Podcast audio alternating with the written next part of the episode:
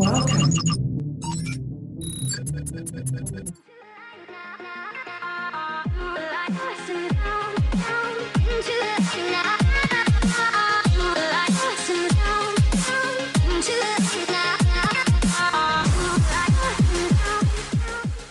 X Factor Podcast.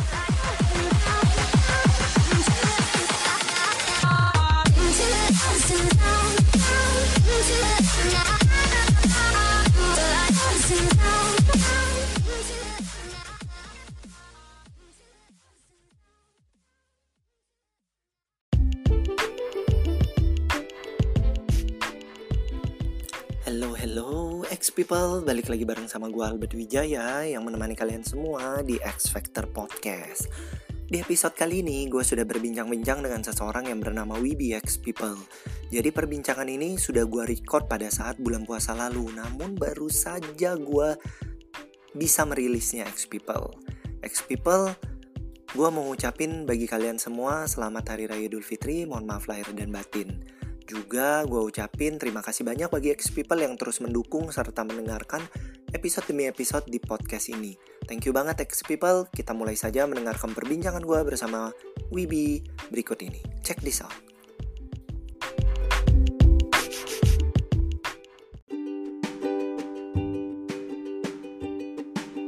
Hai X People semua, apa kabarnya X People? Kali ini kita sudah bersama dengan seseorang yang menurut gue ini orang yang istimewa juga X People di mana kita akan menggali sesuatu dari perjalanan hidup Mas Wibi sampai di titik ini. Kita mulai aja X People episode kali ini gue perkenalin terlebih dahulu ini sudah ada bersama dengan gue Mas Wibi. Hai Mas Wibi, apa kabar? Halo Mas Albert, kabar baik di sini. Wah, gimana Mas kesibukannya di tengah pandemi COVID-19? Kalau sekarang ini lagi lagi apa ya? Lagi menjalani puasa oh, itu pasti sekarang. Nah, iya. Dan juga kalau untuk aktivitas kerjaan itu juga masih Hmm. sif-sifan juga gitu. Hmm.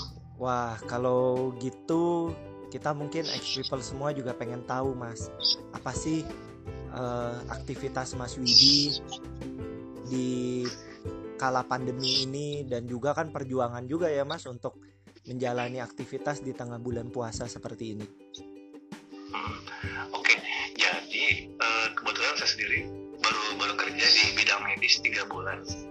Momennya bareng banget sama pandemi COVID gitu kan. Hmm, hmm, hmm.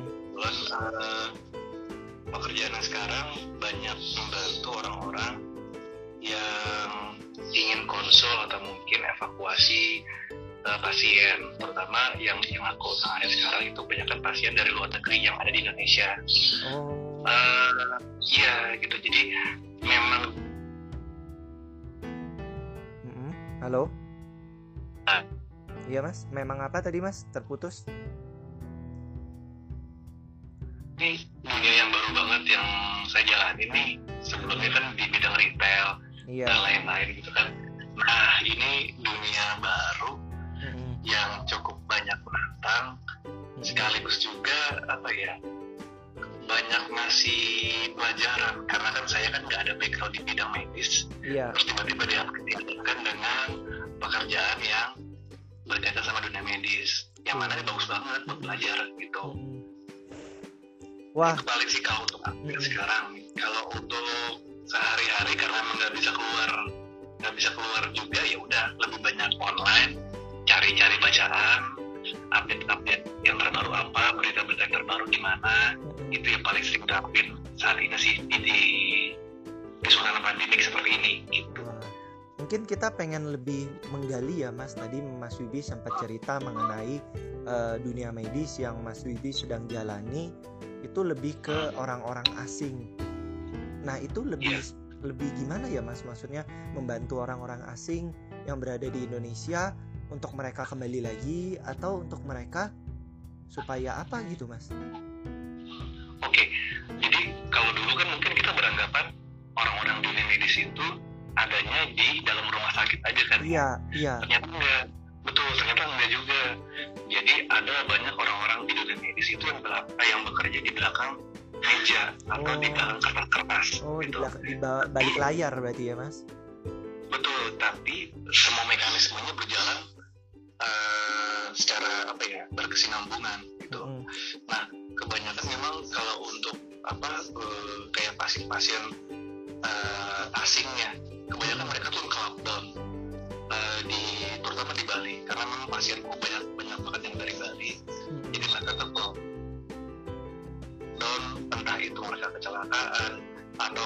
yang kemarin tuh sempat rame COVID udah pasti COVID ya Iya. dan juga ada juga kemarin tuh sempat banyak pasien itu sampai sekarang demam berdarah Oh. karena nggak cuma di Pulau Jawa aja di sana juga di beberapa tempat banyak orang-orang bule kan yang nggak kena nyamuk ya di Iya, negara asalnya iya. gitu Iya. tiba-tiba di Indonesia yang tropis banget itu mereka banyak banget yang dirawat inap karena demam berdarah Iya, tentunya mereka harus menjalani prosedur COVID ter- eh, terlebih dahulu Jadi mereka harus dijalani rapid test karena kan iya, gejalanya kan hampir mirip ya ada Hmm. panas dan demam gitu iya. jadi mereka harus dijalankan dulu covid terlebih dahulu kalau negatif ya udah mereka menjalani rawat Iya. inap seperti biasa isolasi kayak gitu Hmm, wah, aku baru tahu loh mas. Mungkin ex people semua juga baru tahu nih. Eh, sharing aja mas bahwa ternyata ada juga yang pekerjaan dunia medis tapi di balik layar gitu ya mas. Wah itu seru banget pasti kan mas. Nah yang dilakukan sama mas sendiri untuk membantu mereka itu dengan posisi mas sendiri di Jakarta lebih banyak intensitas komunikasi seperti eh, WhatsApp gitu dong mas? Virtual gitu? Iya betul betul jadi kayak WhatsApp telepon dan email tuh nomor satu sih. Hmm. jadi memang itu eh, tiga tiga tiga komunikasi yang kita lakukan sebenarnya poinnya sebenarnya adalah komunikasi. Itu paling penting. Gimana caranya kita bisa mengkomunikasikan pasien dan iya. juga pihak asuransinya dan pihak rumah sakit. Iya. Karena kan kalau misalnya kita nggak ada komunikasi gimana kita mau ngarahin pasien ya kan? Iya. Atau mungkin kalau misalnya pasiennya itu kemarin ada ada pasien setelah dia dari Gunung Bromo Hmm. pasien dari Rusdi dia sempat masuk ke jurang.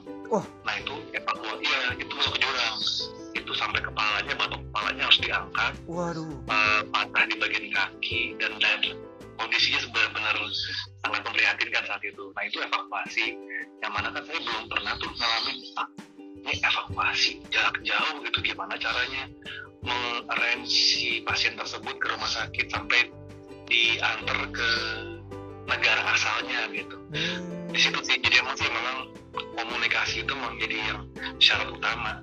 oh iya sih mas. Wah ngomong-ngomong jurang saya sering masuk jurang mas.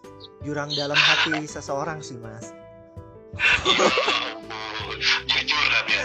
iya jujur tapi sih mas. Ya lanjut aja mas. Jadi gini mas. Tadi kan Mas cerita komunikasi dengan eh, teman-teman dari luar negeri gitu kan orang-orang luar negeri. Pernah nggak Mas ketemu teman-teman atau orang-orang asing luar negeri yang dia nggak bisa bahasa Inggris dia juga nggak bisa bahasa Indonesia cara komunikasinya bagaimana ya Mas? Oke, jadi eh, beberapa orang itu memang mm, nggak bisa menyampaikan secara verbal, tapi mereka masih bisa mengerti dengan bahasa tulisan. Nah, Iya, bahasa ngobrol yang paling enak kan lewat WhatsApp. iya, Jadi pada saat kita coba mengarahkan si pasien tersebut ke rumah sakit atau mungkin ke fas- eh, fasilitas medis yang lain, Mm-mm. itu by WhatsApp mereka masih jauh mengerti gitu. Hmm. Oh, Jadi emang. Uh, betul. Jadi ketika kita kita kita stuck dengan satu komunikasi tertentu kita masih bisa menggunakan bahasa atau kita bisa menggunakan media yang lain untuk Hmm. berkomunikasi. Gitu. Jangan-jangan tuh eh, para orang asingnya itu atau orang dari luar negeri itu sama kayak aku sih mas. Kalau sampai mentok gimana? dia pakai eh, Google Translate mas.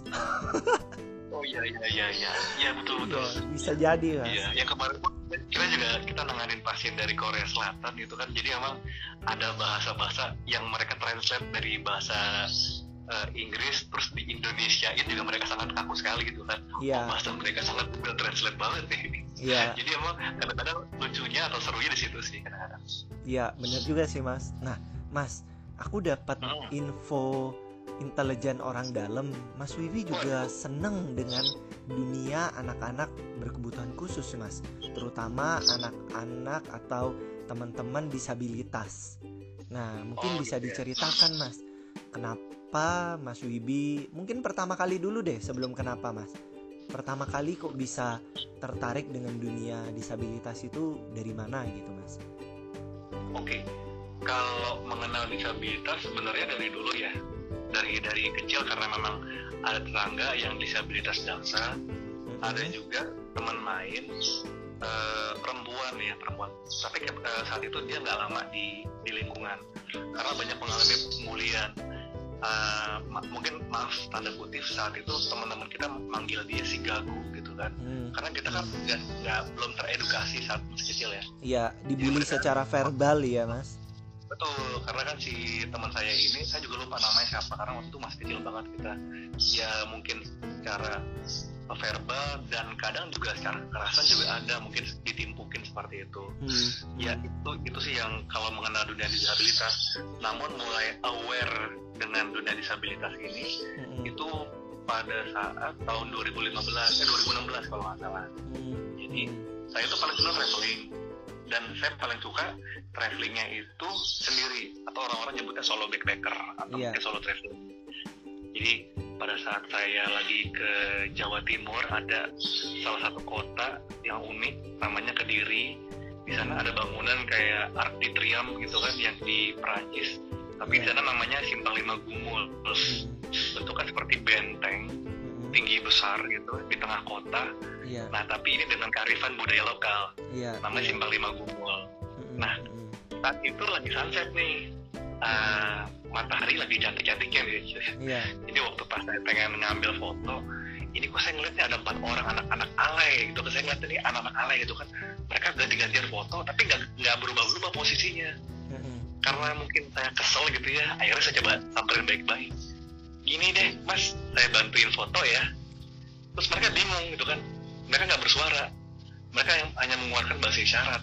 Yang saat itu saya nggak tahu itu bahasa isyarat Mm-mm. Mm-mm. ternyata nggak cuma satu orang aja empat empatnya ternyata mereka teman-teman tuli Oh. dan saya nggak tahu betul saya nggak tahu kalau itu mereka tuli gitu kan Mm. gimana ya cara berkomunikasi saya juga kan agak awkward kan waktu pas gitu kan waktu itu sih masih pakai BlackBerry ya gadgetnya Mm-mm. akhirnya coba kenalan halo nama saya Wibi saya kasih nih handphone saya nih ke dia oh namanya saya ini ini ini saya lupa namanya empat orang itu. Mm-mm. oh dari mana gitu kan saya, kami dari Mojokerto gitu oh saya dari Jakarta gitu kan dari situ tuh komunikasi mulai mulai terjalin Mm-mm. artinya kalau misalnya kita dari bahasa isyarat kita nggak bisa kita bisa pakai handphone loh Iya. sebenarnya sama teman-teman tuli itu. Nah Iya, iya, Nah, nah, betul jadi secara teks gitu kita uh, berkomunikasinya lewat HP iya. namun waktu itu saya masih pakai BlackBerry teman-teman yang tuli itu udah pakai Android gitu kan Oh. jadi mereka masih pakai WhatsApp saya pakai BlackBerry Messenger Iya, iya, iya. jadi mereka nggak punya BBM saya juga nggak punya WhatsApp di situ keterbatasan kita jadi kita apa ya nggak sempet lanjut silaturahmi lagi dari Iya. situ nah dari situ tuh mulai tuh oh ternyata teman-teman disabilitas tuh luar biasa gitu kan dan saya akhirnya bisa juga nih komunikasi Iya. dengan teman-teman disabilitas dengan cara yang berbeda gitu. walaupun saya nggak mengerti bahasa isyarat mereka gitu. Iya sih mas, mungkin kalau sharing ya juga ex people semua bahwa terkadang eh, aku sendiri sering juga dianggap orang itu tuh ih sombong banget, padahal sudah pernah ketemu gitu kan. Tapi padahal Iya, iya, iya. dia nggak sadar kalau kalau aku ini nih nggak nggak sepenuhnya melihat dia gitu. Dia lah, ih Iya, sombong betul. banget nih orang gitu kan. Nggak nyapa gitu. Nah ternyata ada sesuatu hal yang kadang tuh kita butuh rasa aware ya mas terhadap teman-teman disabilitas. Nah, gimana mas perjalanan Ma- Mas Wibi sampai di titik ini bersama dengan teman-teman disabilitas, mas? Apa cerita kesan-kesan Mas Wibi bersama teman-teman disabilitas? Oke, jadi sebenarnya teman-teman disabilitas itu kalau dulu ya, mungkin sebelum aku aware kan, ya aku masih menganggap teman-teman yang netra adalah buta, yang Iya, nggak bisa ngomong adalah gagu, masih yang maaf saat itu memang belum belum belum aware karena Iya. emang eh, yang di pikiran kita yang awam adalah seperti itu. iya, Namun pada saat pada saat kita berinteraksi langsung dan kita juga eh, berkecimpung sama teman-teman yang non disabilitas oh akhirnya ngerti gitu kan bahwa sebenarnya kayak eh, teman yang mempunyai keterbatasan untuk mendengar namanya teman-teman tuli Iya. teman yang tidak bisa melihat sepenuhnya atau mungkin sebagian namanya teman-teman netra Iya. atau mungkin teman-teman kita yang mempunyai keterbatasan fisik kita menyebutnya dengan teman-teman daksa Iya. nah dari situ akhirnya jadi oh secara nggak langsung saya jadi terbuka sih ternyata memang dunia disabilitas itu sangat seru banget gitu kan Mm-mm. dan memang nggak jauh beda apalagi kalau kita nongkrong bareng gitu ya bercandaannya Iya. sama aja sih kayak teman-teman yang non disabilitas sama-sama kadang-kadang juga saling ceng-cengan juga Iya. gitu kan Tapi kok Mas juga. kalau dibahas aku potong sedikit Mas. Kenapa Mas. Wibi bisa bilang seru banget gitu? Apa yang membuat rasa serunya itu kok bisa Mas Wibi timbulkan di dalam diri? Wah, ternyata seru ya gitu. karena nyambung. Hmm. karena hmm, nyambung gitu. Karena setelah kita berkomunikasi nah balik lagi di komunikasi nih. Iya, setelah kita berkomunikasi kita nyambung kan. Iya. nah serunya di situ ternyata gitu kan. Mm-mm, mungkin kalau misalnya teman-teman kita yang awam nih mm-mm, eh, belum bisa berinteraksi nih atau masih bingung berinteraksi sama teman-teman mm-mm, eh, tuli pasti kan canggung kan karena mereka canggung gimana cara berkomunikasinya mm-mm, gitu. Mm-mm, pada saat kita membangun komunikasi mm-mm, dan kita sudah mulai eh, belajar pelan-pelan di situ serunya gitu sih. Satu sisi kita bisa belajar gitu. Jadi kalau menurutku ya Iya. eh, dari dari teman-teman disabilitas kita bisa belajar banyak gitu kan. Mm-mm, terutama komunikasi gitu. Kenapa sih aku sih mm, apa ya selalu ngulang-ngulang masalah komunikasi gitu kan. Iya. karena memang iya ke walaupun misalnya kita sama teman tuli nih mereka tidak bersuara gitu kan. Mm-mm, tapi kita bisa, bisa berkomunikasi lewat media yang lain. Iya. bisa bahasa isyarat atau mungkin bahasa tulisan gitu kan. Atau sama sama kayak aku nih misalnya aku lagi dapet pasien nih. Mm-mm, pasiennya orang bule gitu kan. Iya. gimana sih komunikasinya gitu kan? Kalau nggak lewat telepon bisa lewat WhatsApp gitu. jadi emang sih baik kita berinteraksi dengan yang non disabilitas maupun yang disabilitas itu jembatan yang paling penting adalah komunikasi, komunikasi. Hmm, betul banget.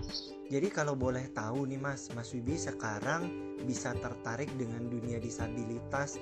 Selain dari pertama kali Mas Wibi punya eh, tetangga atau tadi teman yang waktu masih masa kecil terus ketemu di Kediri itu sekarang Mas Wibi berkecimpung di dunia disabilitas itu melalui apa? Melalui lembaga atau komunitas apa Mas? Jadi waktu itu saya mengenal Pandulisane. Jadi Pandulisane eh, ini adalah suatu komunitas yang bisa menghubungkan antara teman-teman disabilitas maupun non disabilitas. Oh, Waktu Pandu itu sih, Lisane, eh, maaf mas, iya. aku potong Pandu Lisane yang kemarin aku ajak ngobrol Mas Pandu, founder dari Pandu Lisane itu mas.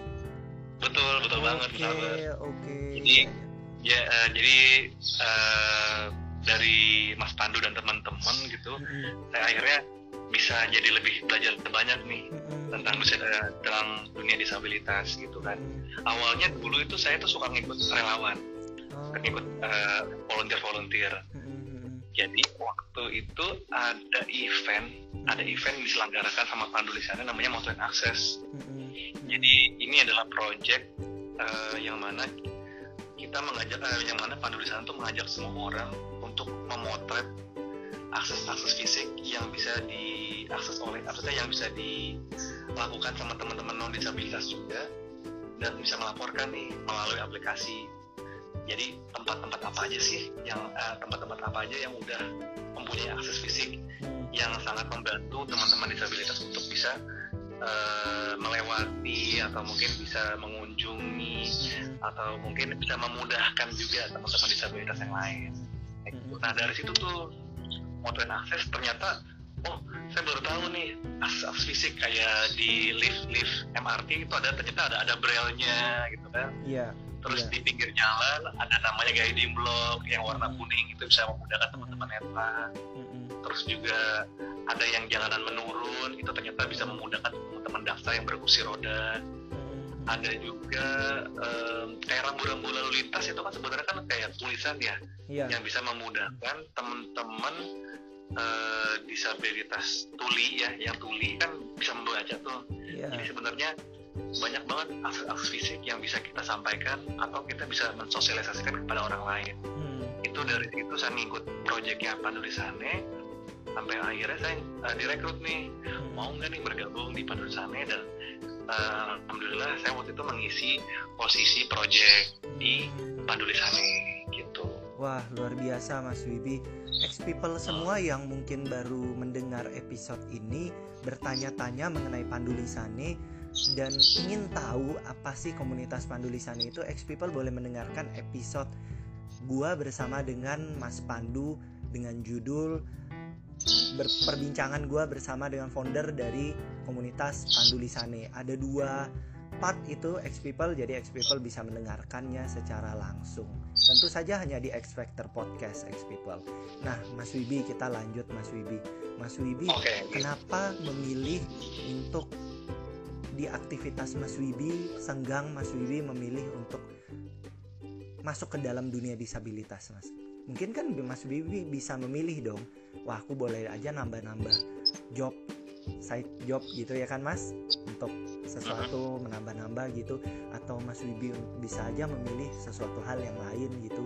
Tapi Mas Wibi mengambil jalan untuk masuk di dalam dunia disabilitas. Kenapa Mas memilih untuk mengisi waktu Mas Wibi sambilan kerja gitu kan sambilan bersama dengan teman-teman disabilitas? Eh, yang saya suka selain proyeknya adalah Pandulisannya itu punya tagline sendiri Ya, saya percaya tagline yang baik itu adalah sebagai doa ya Jadi tagline yang digunakan oleh Pandulisannya adalah help people, help yourself. Nah kebetulan tahun 2019 kemarin itu saya nganggur. hmm.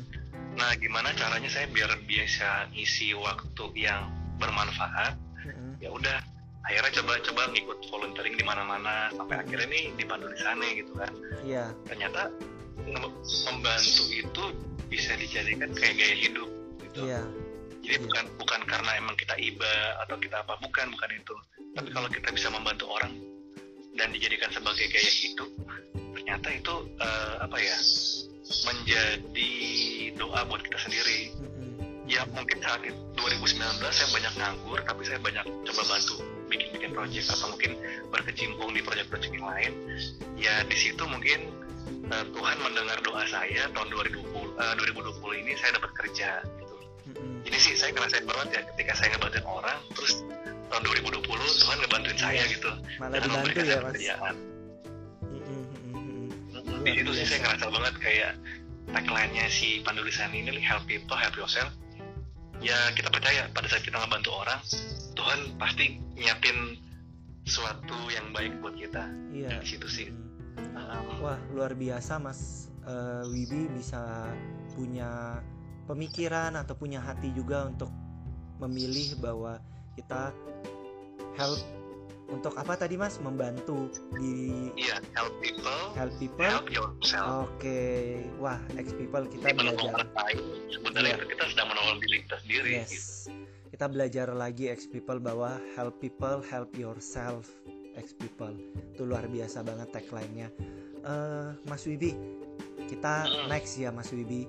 Aku pengen tahu juga nih, mungkin ex people, ex people juga pengen tahu ex people yang senang traveling mungkin ingin tahu juga ketika Mas Wibi tadi berbicara bahwa Mas Wibi juga berapa kali traveling memiliki kesenangan juga tersendiri mengena- di dalam dunia traveling.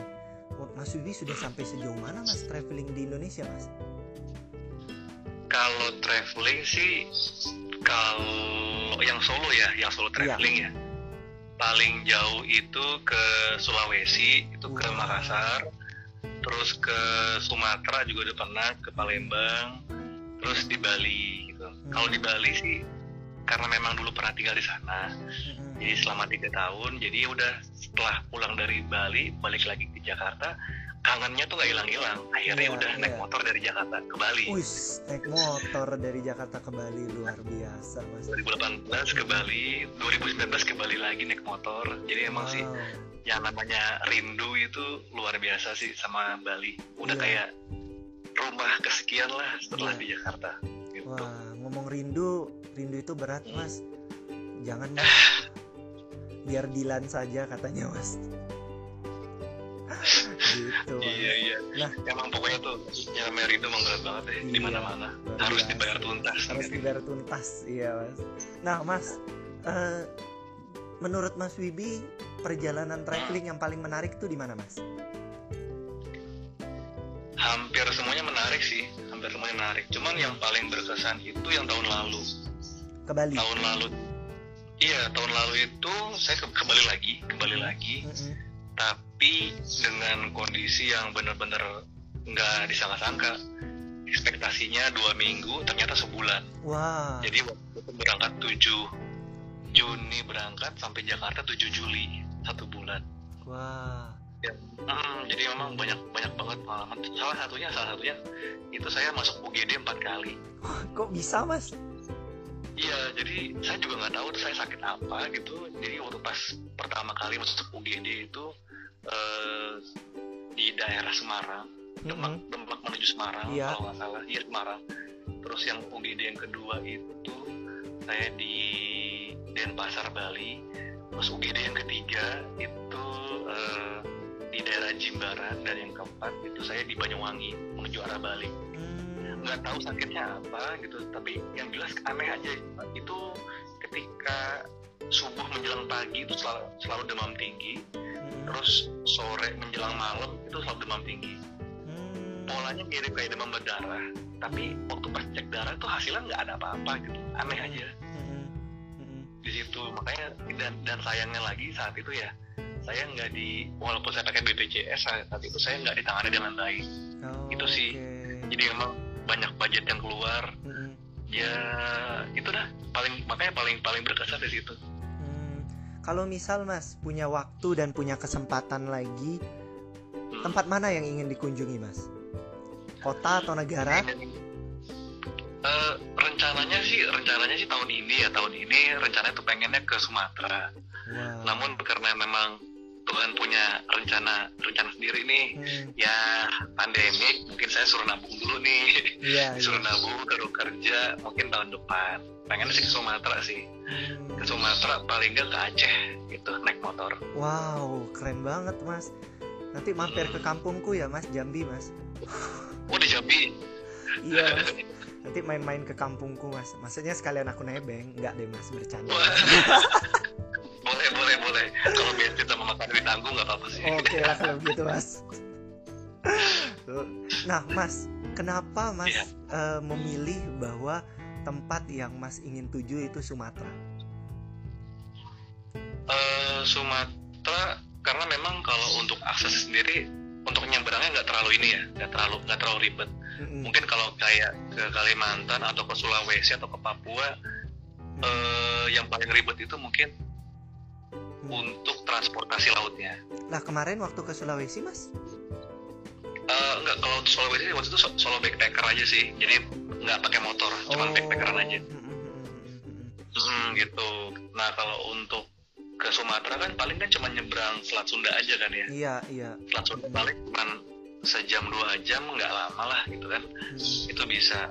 Yang lama itu justru kan per- perjalanan daratnya kan. Mm, mm, mm, dari Lampung mm, terus ke beberapa kota sampai ke Acehnya itu gitu. Mm, mm. Mm, Wah luar biasa mas. Mungkin ada yang mau ingin mas sampaikan bagi teman-teman ex people semua yang akan mendengarkan podcast ini mas, baik untuk traveling, baik untuk mengenai hal disabilitas. Karena kan tadi cerita Mas Wibi itu sangat luar biasa loh mas.